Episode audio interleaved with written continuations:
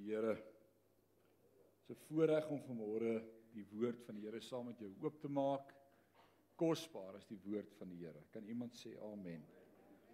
Amen. Wat 'n geleentheid het ons nie gehad vanmôre om te kan aanbid en om God groot te maak vir wie hy is nie. Hy is awesome.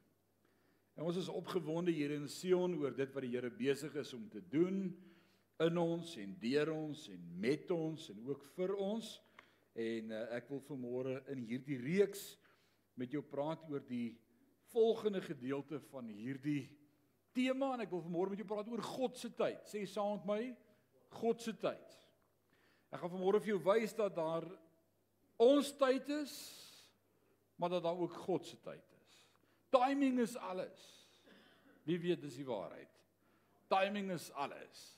Ons skrif hierdie jaar wat die Here vir ons gegee het waarmee ons besig is is Jesaja 40 vers 31 en jy ken dit maar die wat op die Here wag sê saam met my kry nuwe krag. Maar die wat hulle hoop op die Here stel sê 'n ander vertaling lees saam met my sal hulle krag terugkry. En dan is die vraag wat ons onwillekeurig vanmôre vir mekaar vra en is 'n belangrike vraag om te vra is die vraag wanneer wanneer. Dis grait om te weet dis wat die woord van die Here sê. Maar wanneer? Ek seker in ons elkeen se lewe is daar 'n profetiese woord gewees vir jou of iemand het al enige vers met jou gedeel en jy het gevoel, "Jesus, dis myne. Ek maak dit myne." En dan het 'n paar jaar verloop en dit gebeur nie en dan sê ons, "Ek ek wonder of dit vir my was." Wie weet waarvan ek praat? Ek wonder of ek die tyd gemis het. Ek ek ek wonder eh, het ek reg gehoor. So vanmôre wil ek jou praat oor God se tyd en sy timing en dis baie belangrik om dit te verstaan en om dit te verduidelik vanmôre wil ek jou vat na 'n uh, gelykenis uit die woord van die Here. Nou gelykenisse is gevaarlike goed.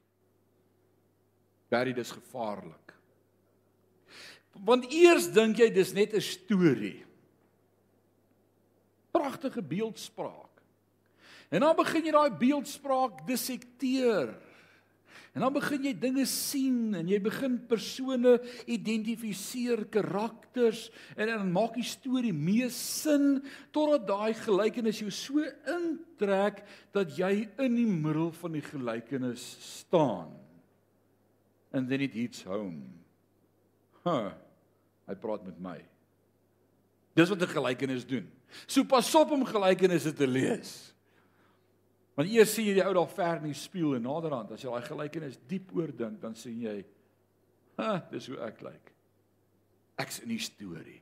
Jy's in elke storie van elke gelykenis. Nou om hierdie gelykenis vanmôre met jou te deel, is daar's 'n pragtige hoofstuk in die woord van die Here. Matteus is is die evangelieskrywer wat hierdie klomp gelykenisse so selektief bymekaar voeg na mekaar in een hoofstuk en dis Matteus hoofstuk 13. En dan sien ons in Matteus hoofstuk 13 begin hy met die gelykenis van die saaier en dan verduidelik Jesus vir hulle die saad en dan praat hy met hulle oor mosterdsaad en dan praat hy met hulle oor onkruid wat saam met saai gesaad wat saam met die saad gesaai is en dan verduidelik hy dat hierdie hele hoofstuk spandeer hy tyd om te praat oor die belangrikheid om te verstaan dinge wat jy in die grond sit gaan opkom. Wie dit al geleer in die lewe? Wat jy saai, gaan jy maai. Dis nie 'n lekker spreekwoord nie, is dit? Maar dit is 'n awesome spreekwoord as jy dit verstaan, Wiekie. Want dit wat jy in die saai sit, in die saad sit, daai saad wat jy in die grond sit in oestyd en jy is besig om julle trekkers en implemente reg te kry, ek dink hulle is al reg. Is is julle klaar? Die seuns hulle werk gedoen sodat die seisoen wat kom gaan jy reg wees om te plant, maar maar jy gaan net 'n oes verwag op wat jy in die grond ingesit het. Jy kan nie mielies plant en dan verwag jy daar gaan sonneblom opkom nie. Wat is saad is op die stadium die goedkoopste om te koop, bietjie? Dit alles ewe duur. Almal ewe duur. Maar almal lewer nie dieselfde oes op nie en almal kry nie dieselfde dividende voor terug nie. So om reg te beplan is baie belangrik. Wat saai jy en wat maai jy? Nou kom ons kyk vir hierdie gelykenis in Hoseas 13 vers 24 gaan hy vir ons leer van 'n saaier wat goed gesaai het en toe kom daar goed op wat hy nie gesaai het nie. Nou sê gou vir my in julle lewe het julle al almal iets beleef van dinge wat opkom wat jy nie gesaai het nie. Ek het nie daarvoor gevra nie. I didn't sign up for that. Nou, wie, wie van julle het dit al gesê? Dit dit was nie deel van die deal nie. Nou kom hier's 'n groot verrassing vir jou vanmôre. Kyk saam met my in Matteus 13 vers 24. Hy het 'n ander gelykenis aan hulle voorgehou met die woorde: God se koningsheerskappy kan vergelyk word met 'n man wat goeie saad op sy land saai. En hierdie seisoen waarin ons is van nuwe lewe, nuwe bloeisels, nuwe begin, voorbegin, herbesin is dit juis die gedeelte wat my in die hart gegryp het. Saad groei, skiet wortels, daar kom nuwe lewe. Daar's 'n nuwe verwagting vir nuwe goed wat moet gebeur. Wie kan saam met my sê amen? Wie van julle sê vanmôre vir my ek soek nie 'n nuwe begin nie. Kom vir gebed na die tyd. Jy het gebed nodig. Ons almal soek 'n nuwe begin. Alraight. Dis so lekker om tannie vanmôre saam met ons in die kerk te hê. Pragtig. Op 'n hoë ouderdom van 80. Vol. Beautiful. Lekker om tannie hier te sien vanmôre. Vers 25 sê maar een nag terwyl die mense geslaap het, sê saam met my geslaap. Nou broer, dis gewoonlik wanneer die probleme kom. Is wanneer ons slaap. Terwyl hy geslaap het, het die vyand gekom en onkruid tussen die koring gesaai en verdwyn. Toe die groen koring opskiet en in die aar begin kom, verskyn terselfdertyd ook die onkruid. Nou hier kom nou 'n verrassing vir hulle, want hulle het nie onkruid geplant nie. Nou kry hulle meer as waarvoor hulle gebaken het. Hulle het net saad verwag en hierdie gelykenis sê saam met die saad wat opkom, saam met dit wat jy geplant het, is daar altyd ook ander goed wat opkom wat jy nie geplant het nie. En hoe deel ek en jy daarmee? Hoe hanteer ons hierdie goed wat ook opkom wat ek nie voorgevra het of gesoek het nie? So hoe deel ons daarmee? Die slawe van die boer kom toe en sê vir hom: "Meneer, jy het 'n goeie saad op die land gesaai. Waar kom die onkruid dan vandaan?" Dis 'n vyand se werk het hy uitgeroep. Dis 'n vyand se werk het hy uitgeroep. Toe ons die onkruid gaan uittrek, vra die slawe, maar hy antwoord nee. Dalk trek jy die koring saam uit wanneer jy die onkruid in bondels uittrek. Laat albei saam groei tot oestyd. Dan sal ek vir die mense wat oes sê, maak eers die onkruid bymekaar.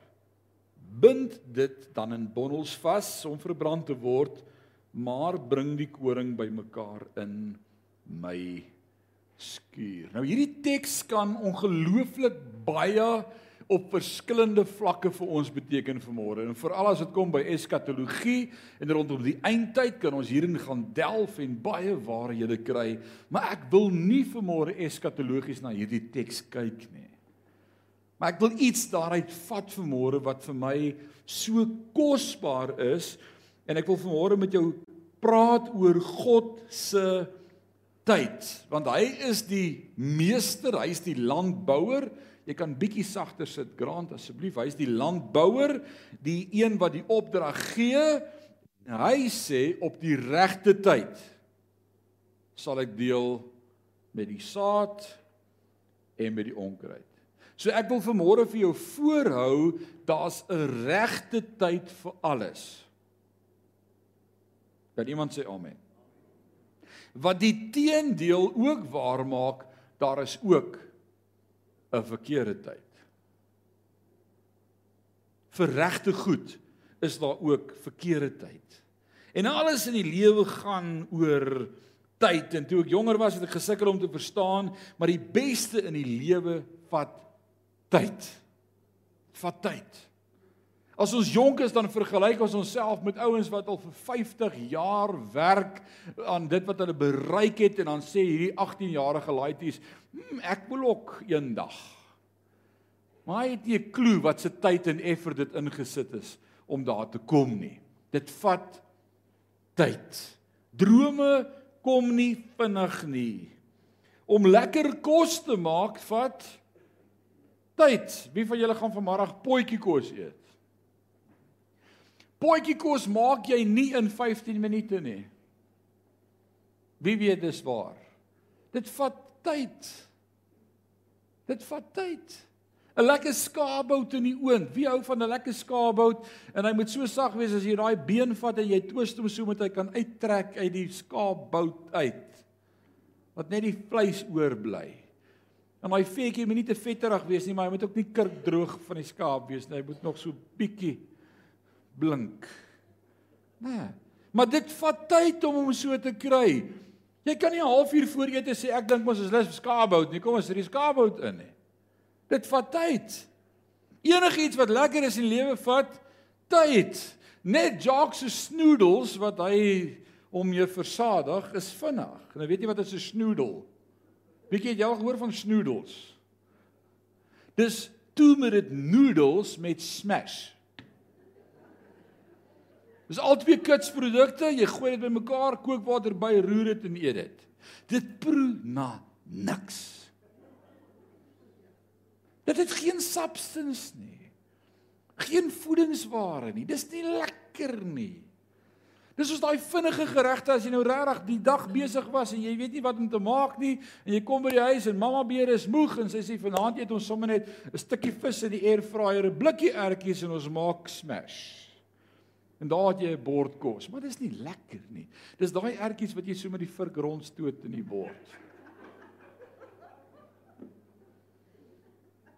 Dit was my voorreg om in 'n huis groot te word waar my ma baie gehou het van skorsies. En dan kon jy daai ertjies so bymekaar maak en as hulle met mekaar diep praat dan dop jy daai dop so doem om op die ertjies. Ertjies kon ek nie my lyf kry nie. Ons steek daai skorsie dop al die ertjies weg. Totdat sy naderhand begin sê, "Nee, dop om julle doppe laat ons kyk wat's onder die doppe." Maar wat is die kitskos is nie lekker nie. Dinge wat lekker is in die lewe vat tyd. Daar is 'n groot kontras in die lewe tussen om ryk te wees en om wel af te wees. Kitsmiljonêers verloor almal wie hulle geld. Statistiek bewys dat 80% van alle kitsmiljonêers binne 2 jaar weer bankrot is. Hoekom? want hulle het nie stelsels in plek gesit op die lang ran om te leer hoe om met geld te werk nê. Easy come easy go. Om die lotto te wen hou nie vir altyd nê. Want dan klop almal wat jy geld skuld aan jou deur. Iemand vra nou dag vir my weet jy wat gaan ek doen as ek 'n miljoen wen? Ek sê nee, hy sê die helfte van my skuldeisers betaal en die ander helfte moet wag. Nee. So daar's 'n groot kontras in die lewe tussen hierdie twee uiterste pole. Dit vat tyd. Daar is dinge in die lewe wat net nie andersins kan gebeur deur om te sukkel, deur om foute te maak nie, deur om moeilike omstandighede te werk nie, want is die beste leermeesters in die lewe. As jou kind probeer grootmaak in 'n milieu en 'n omgewing waar hy nooit moeilikheid ken nie, nooit stres het nie, nooit hoef te worry nie, nooit planne hoef te maak nie, nooit te werk vir hulle geld nie, jy maak hulle groot vir die hel. Die kinders dink nie nou ek is gewild nie. Rarig. Maar wie weet dis die waarheid? Want ek moet 'n kind leer werk, ek moet hom leer beplan, ek moet hom leer dink, ek moet hom leer om 'n toekomsvisie te hê. Dan is dit ewigheidswaarde. Kom ons luister na die woorde van Salomo in Spreuk in in Prediker 3 in Salomo se wyse man en hy sê daar's 'n tyd vir alles in vers 1 sê hy alles gebeur op 'n bepaalde tyd. Dit's nice om te weet, né? Maar is nie lekker nie. Want dis God se tyd en nie altyd my tyd nie. Dis God se tyd. Alles in die lewe is vooraf bepaal. Ek en jy het 'n doel. Alles is vooraf bepaal. Dit maak die lewe interessant. Ons het 'n doel, maar dit neem tyd. Nou ek vanmôre sê dis belangrik in my en jou lewe om seisoene te verstaan en te weet hoe seisoene werk. Ek en jy kan nie in die vorige seisoen bly lewe en God vertrou vir 'n nuwe hoofstuk in jou lewe nie. Wie van julle pas moeilik aan? Julle is moeilik aanpasbaar. OK, party is net plainweg moeilik, maar ek praat oor aanpasbaarheid. Nou, jy is moeilik aanpasbaar. Jy om, om nuwe dinge te jy jy like nie verandering nie. Jy soek die konstante en die bekende elke dag. Baie van ons is so. Die probleem Barry met ons as ons nooit is bereid is om dit bekende te los nie, gaan ons nooit vooruitgang in die lewe beleef nie. Jy gaan nooit vooruitgang beleef nie. Om te groei moet daar verandering wees. Ek moet die oomblik en die tyd lees. Wat ons nie verstaan rondom seisoene nie, is dat selfs individue, vriende, mense in ons lewe vir 'n tyd of 'n seisoen vir ons geleen word, maar dan ook weer weggevat word. Vir ons wat sukkel om om om om te groei en te verander en verandering te beleef, is dit terrible wanneer vriende nie meer vriende is nie. Dis 'n krisis. Want jy dink hulle moet daar wees vir altyd, maar God stuur ouens en hy vat ouens weg. Dis 'n seisoen in jou lewe. Geleenthede is seisoonaal. En dit beteken nie as daardie geleentheid nie meer daar is dat God sy seën of sy hand van jou lewe afhaal nie. Inteendeel, God is altyd daar. Maar dan is daar nuwe maniere hoe God jou wil seën. Hoor wat sê vers 2 as prediker met ons praat en hy sê daar is 'n tyd om gebore te word en daar is 'n tyd om dood te gaan. Vir wie is dit negatief? Net so by the way, ek preek nie oor vanmôre nie. Sê nie ons praat nie oor die dood nie. Want ek sê dit op elke begrafnis en ek wil dit sommer vanmôre ook sê, dit lyk vir my niemand van ons kom lewendig hier weg nie. daaroor gedink. En ons skryf liedjies, I want to live forever. Ek wil nie vir altyd hier wees nie. Nee, daar's vir ons verre weg 'n beter plek sê Paulus wat vir ons voorberei is en as ek hier uitleef, leef ek in by hom. Vir 'n kind van God is dit 'n vooruitsig. Hy sê in vers 2 verder, hy sê daar's 'n tyd om te plant en daar's 'n tyd om weer plante uit te trek. Dis moeilik om te verstaan. Ek het van laas jaar voor laas jaar af probeer om bietjie die tuin te probeer krap daar en tuin maak en alles.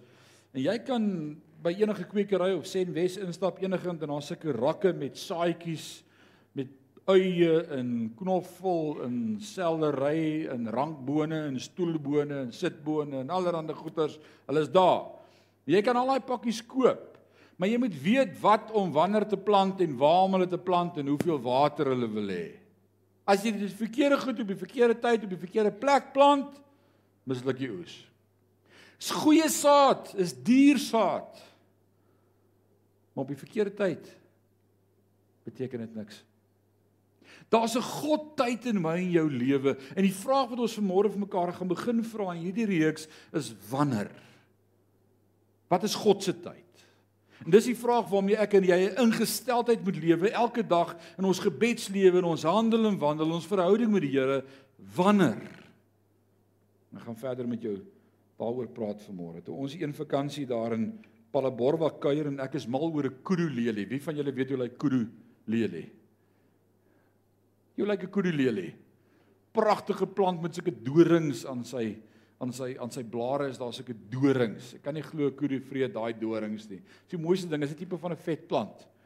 En ek het daai kudu lelie uitgevoer in my karavaan tot hier in Parys en geplant en ek sit hom reg voor een van die klein sproeiertjies dat hy nou baie water kry dat hy kan groei en want water is mos goed vir alles.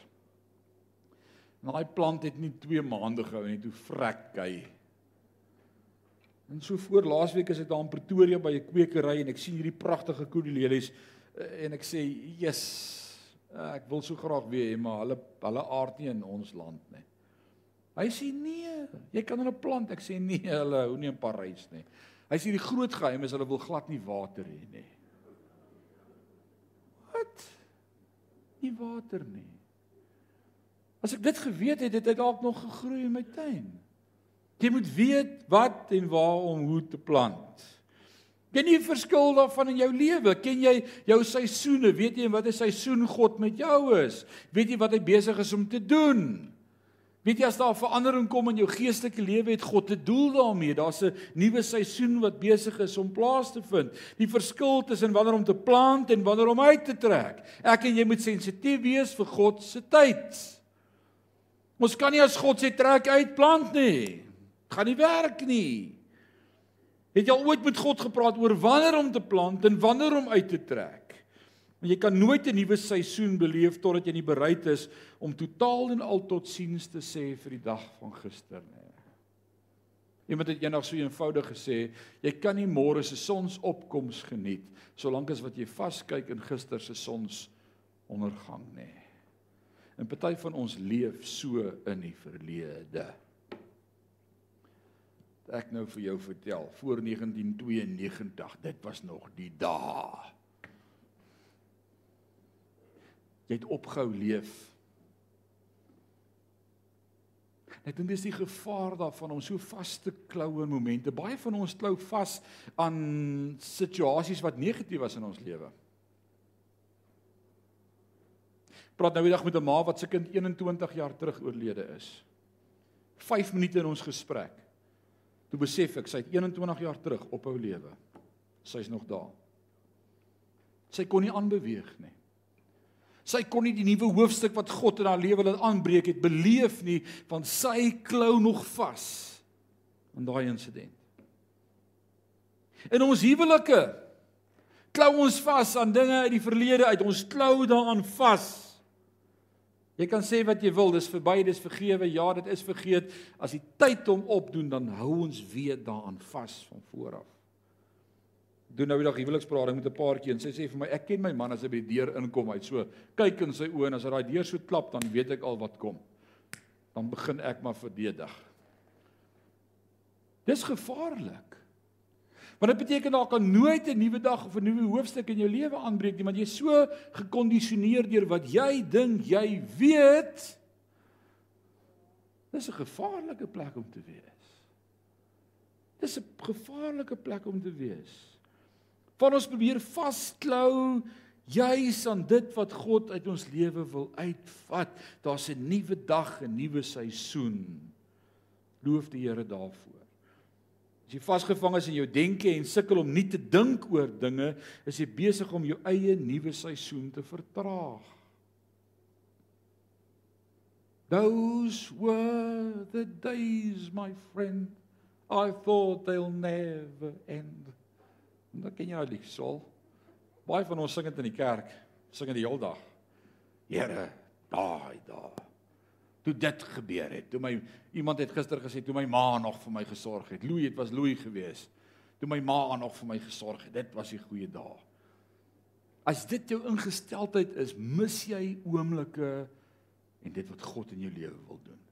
Paulus kom in die gemeente in Romeine in Romeine 12 vers 1 en 2 en vers 1 sê hy dit is julle redelike godsdiens dat julle julle liggame stel as lewende heilige en in God welgevallige offers. Jy's 'n lewende offer.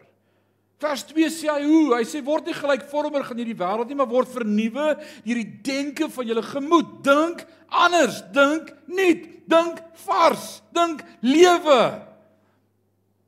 Moenie dink aan dieselfde hoe weet wie ek groot geword het. Dank die Here ons is nie meer daar nie. Maar moenie mis wat God in jou lewe wil doen oor jy vashak by die verlede nie.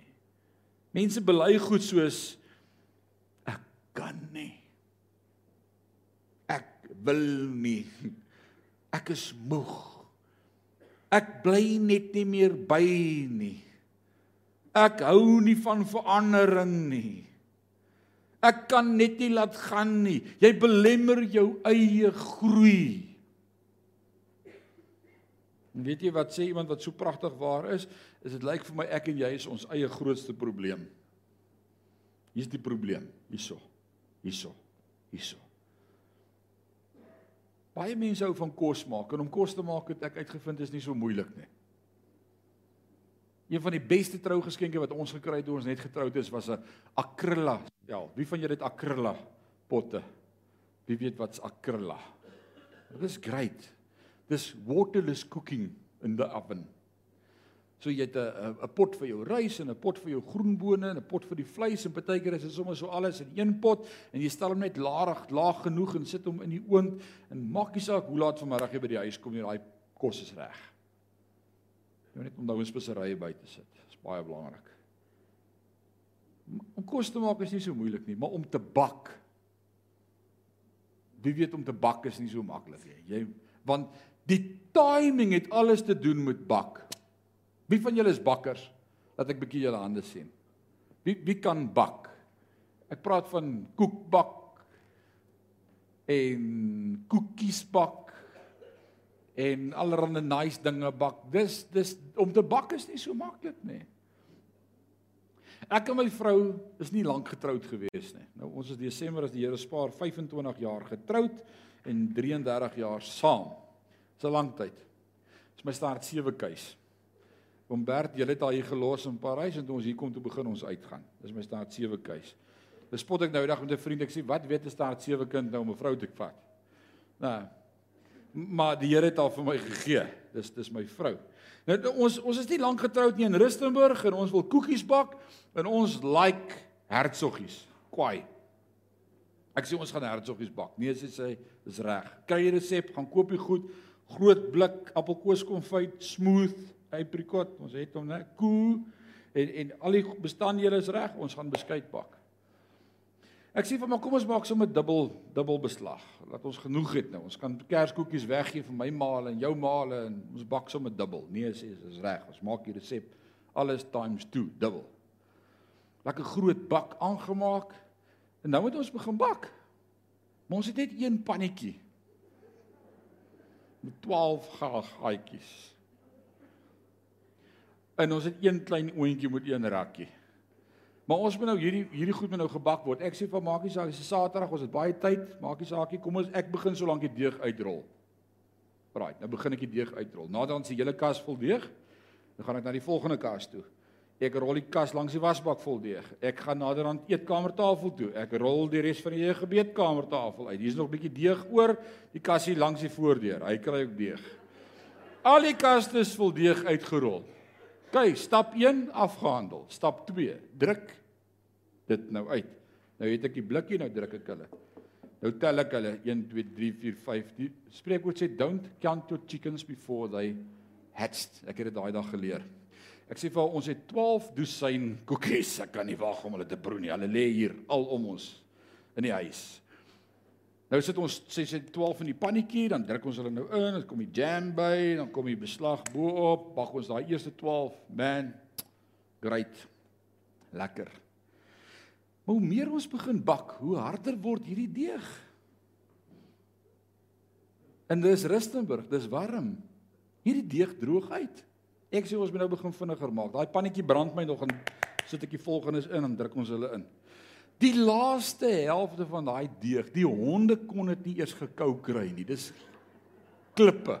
Dit het darm flavours soos appelkose. Maar dis hard. Nou kuier ons by vriende nou, vertel ons vir hulle van Jesus. Ons sukkel om dit was dalk ons oond. Dis die oond. Ons oond bak nie lekker nie.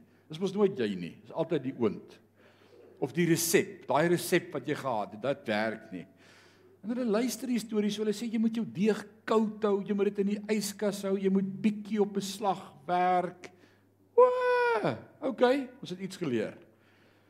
So 'n paar jaar terug wil ons dit try. Nou sê ons okay, ons kan nou onthou van die foute wat ons gemaak het. Kom ons probeer weer. Hierdie keer gaan ons gemmerkoekies bak. Dis 'n pragtige DeFi thermo oond golden blur. Ons gaan nou lekker bak met die waaiere oond.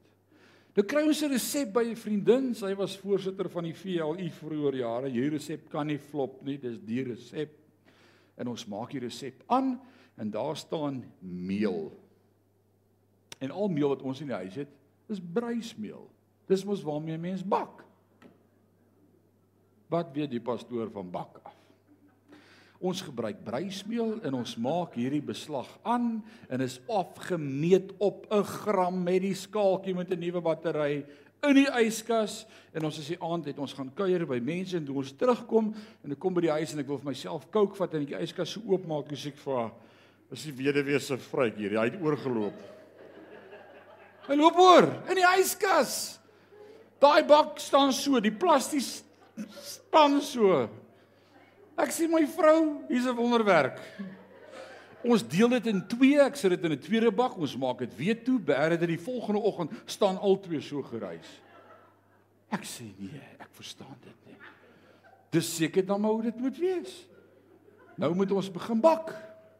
So ons vat 'n klein bietjie deeg op beslag, rol dit in balletjies, druk dit plat met die vurkie lekker op 'n bakplaat in die oond.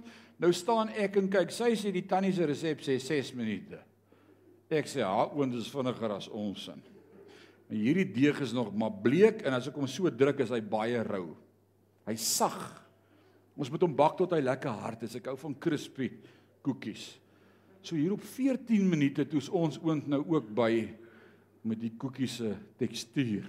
En daai eerste kom uit en ek proe hom ek sê nee wat nou is hy crispy en hy's lekker. Nou lê hulle daar en ons bak die volgendes en die volgendes en ek vat weer so een van daai eerste koekies en ek kry hom nie gebyt nie. Kliphard tog nie hierdie resep. Ek is nou moeg vir resepte wat nie werk nie. Nou bel ek vir tannie Erika. Ek sê Erika, hierdie beskuit, hulle was perfek hierdie koekies toe hulle uitgekom het, maar nou is dit kliphard. Sy sê, "Hoe lank het jy dit gebak?" Ek sê, "Ons trek op 14 minute." Sy sê, "Hulle is nog sag as jy hulle uithaal, dan word hulle hard buitekant die oond." Ek sê dit staan nie in jou resep nie. Timing is alles timing is alles. Christian speel graag cricket. Dewald ook en al by die huis speel hulle cricket. En jy kan die perfekte houding hê, jy kan daai bat perfek vashou. Jy kan perfek terugswaai, jy kan perfek deurswaai, maar as jy te vinnig is vir die bal, kos dit jou dalk 'n paaltjie. En as jy uit. Dit was die perfekte shot maar die bal was net te dis die bal se skuld, hy was te stadig. Ek het die tyd gemis. In my en jou lewe kom ek agter dat ons grootste probleem is ons mis God se tyd.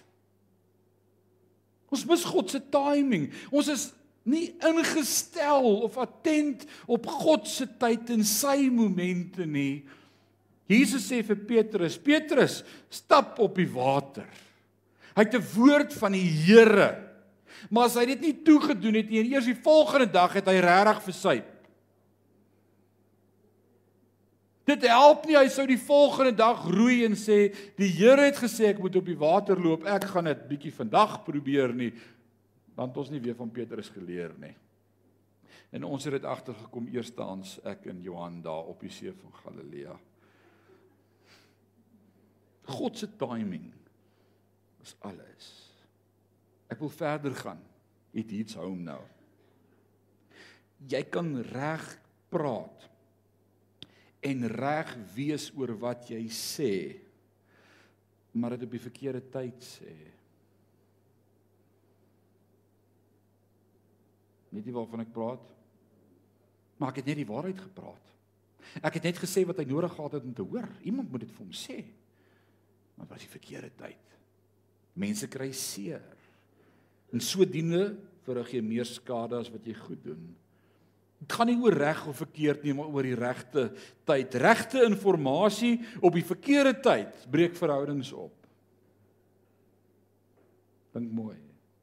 Regte inligting op die verkeerde tyd laat 'n kind vir die res van sy lewe soos 'n mislukking voel. Kan jou vrede steel. Kan jou alleen los. Hou op dink daaroor om reg te wees en begin God vra vir die regte tyd. So die vraag wat ons vandag eerder vra is watter tyd is God mee besig in my lewe? Wat wil God doen in my lewe? Wat is God se tyd? En dan sê jy vanmôre vir my maar ek dink op my jare is dit te laat. Ek het my tyd gehad, ek het dit gemis, ek het die bal misgevang, ek het ek het aangejaag, ek het God se tyd gemis. Loof die Here vir 'n skrif wat sê the steadfast love of the Lord never ceases his mercy never shall come to an end but they are new every morning. En dan gaan die skrywer verder en hy sê great is thine faithfulness o Lord. Die Here bly getrou al is ons ontrou. En dan mag ek nooit op die punt kom in my lewe waar myself diskwalifiseer en sê, "Wel ek het my innings gehad. Ek het foute gemaak. Ek het die oomblik gemis. Nou is my lewe 'n gemors nie." Nee, ons gebruik dit as boustene en ons leer daaruit om sensitief te wees vir God se tyd. Almal van ons het al op een of ander stadium met effekte of aandele probeer iets doen. Dis great as jy op die regte tyd betyds verkoop. Eendag maak al die verskil. Een oomblik. Jy jy kan 'n huwelik voltrek in 15 minute. Pa, wat's jou rekord? hy wil nie eerlik wees vandag nie. Ek en hy het so gespot dat hy gehad eendag eh, en toe ons nog ek nog in die huis was was dit my trekpleister om saam met hom troues toe te gaan. Ek het vir my klavier en die orgel gespeel, die troumars en dan kry ek 'n paar sente. Ek dink pas skuld my nog 'n paar rand. Maar in 'n geval, hy het my dan 'n paar rand gegee. Ek my ma wil nie ek moet troumars speel. Hy preek, dan luister ek net elke keer na hierdie preek. En eendag toe is hy sommer vinnig vinnig terug by die huis en my ma sê en nou, hy sê ek het net gespot weld. So jy kan in 15 minute kan jy getroud kom, broer. Maar dit vat 'n leeftyd om 'n gesonde huwelik te bou. Nie 15 minute nie. Al die lang getroudes sê dis harde werk. Wie kan sê amen? Nee, nie amen, dan gaan die vrou sê o, o. Harde werk. Jy mag dink jou tyd is verby, maar ek wil vanmôre vir jou goeie woord bring vanmôre. The best is still to come. Ek verklaar vanmôre oor elkeen van ons in hierdie plek. God is besig met jou. Maak nie saak hoe oud of hoe jonk jy is nie, jy's in die seisoen wat God vir jou bepaal het, maar die geheim is moenie haastig wees nie. Wag vir God se timing leer om God te ken vir die regte timing. Die Here deel soms met ons goed en dan is ons te haastig, is dit nie so nie? Die Here sê vir jou jy gaan jou besigheid verkoop en toe hy weer sien toe jy hom klaar verkoop. Dit is great, hy wil hê jy moet hom verkoop, maar jy was net te vinnig. Vir party van ons moet die Here net nie voor die tyd sê wat ons moet doen nie. Hy wil net sê nou. Ons is net te haastig. Maar wanneer gebeur dit? Ek wil dit sien. Ek wil dit nou sien.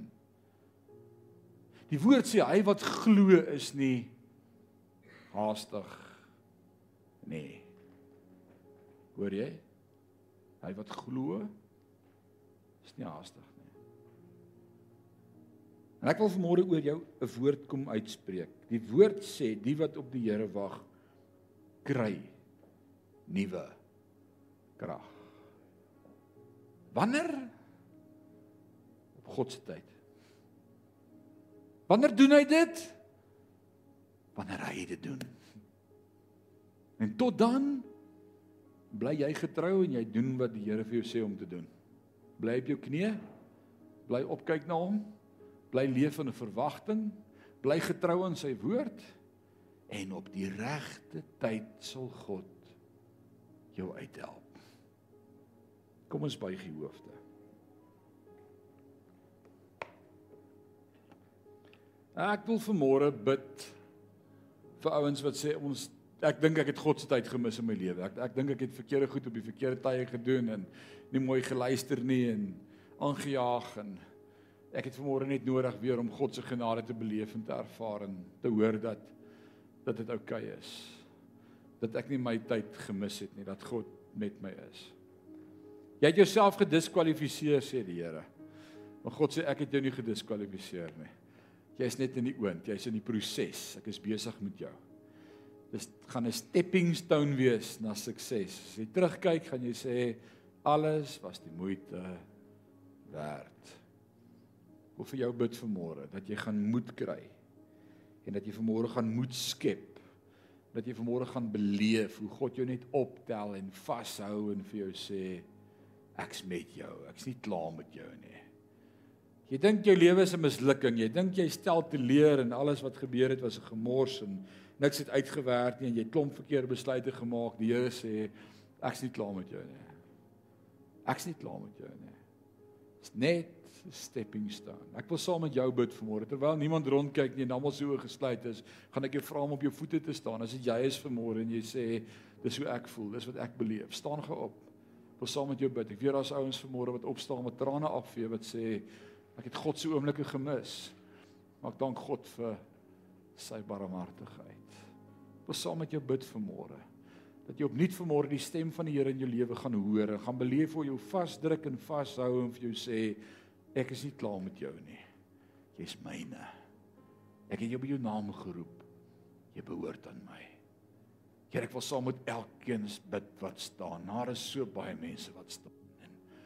Ons diskwalifiseer onsself en ons glo die leuen van die vyand wat vir ons sê God is klaar met ons en daar's nie meer plan vir ons oor nie. En ons het so baie teleurgestel en foute gemaak. Sal God ons ooit weer 'n kans gee? Dankie dat u genade elke dag nuut en vars is oor ons lewe. En die woord sê the steadfast love of the Lord never never never ceases. But his mercies they are new every morning. En ek wil bid vir elkeen wat staan, Vader, dat hulle in hierdie oomblik hulle self vryspreek, dat hulle u vergifnis beleef. U kom nie met oordeel vanmôre en sê sorry, you blew it nie. Nee, u is die God van kansse en u gee weer kansse. En ek wil bid, help ons om onsself te vergewe, maar help ons om deur ons seer en deur ons verlede 'n nuwe toekoms te kan raak sien. 'n nuwe begin. Ek spreek oor elkeen wat staan se lewe vanmôre, 'n nuwe begin in die naam van Jesus. 'n Nuwe hoofstuk, 'n beter hoofstuk as die vorige hoofstukke. The best is still to come in Jesus naam. Amen.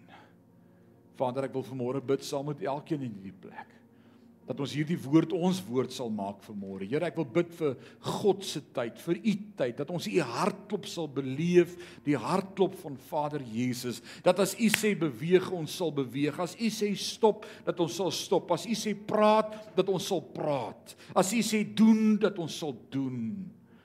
Maak ons gehoorsaam. Dankie dat u met ons is. Dankie dat u ons lei en ons leer elke dag in die volle waarheid. Dankie dat die vraag vanmôre is wat is God se tyd? En ons eer U daarvoor vanmôre. Wees die naprediker, o Heilige Gees, en dat ons 'n nuwe seisoen in elkeen van ons se lewe sal beleef. 'n Tyd van vooruitgang en van groei in ons verhouding met ons God. Aan U al die lof en al die eer is ons gebed in Jesus naam en Sion sê amen en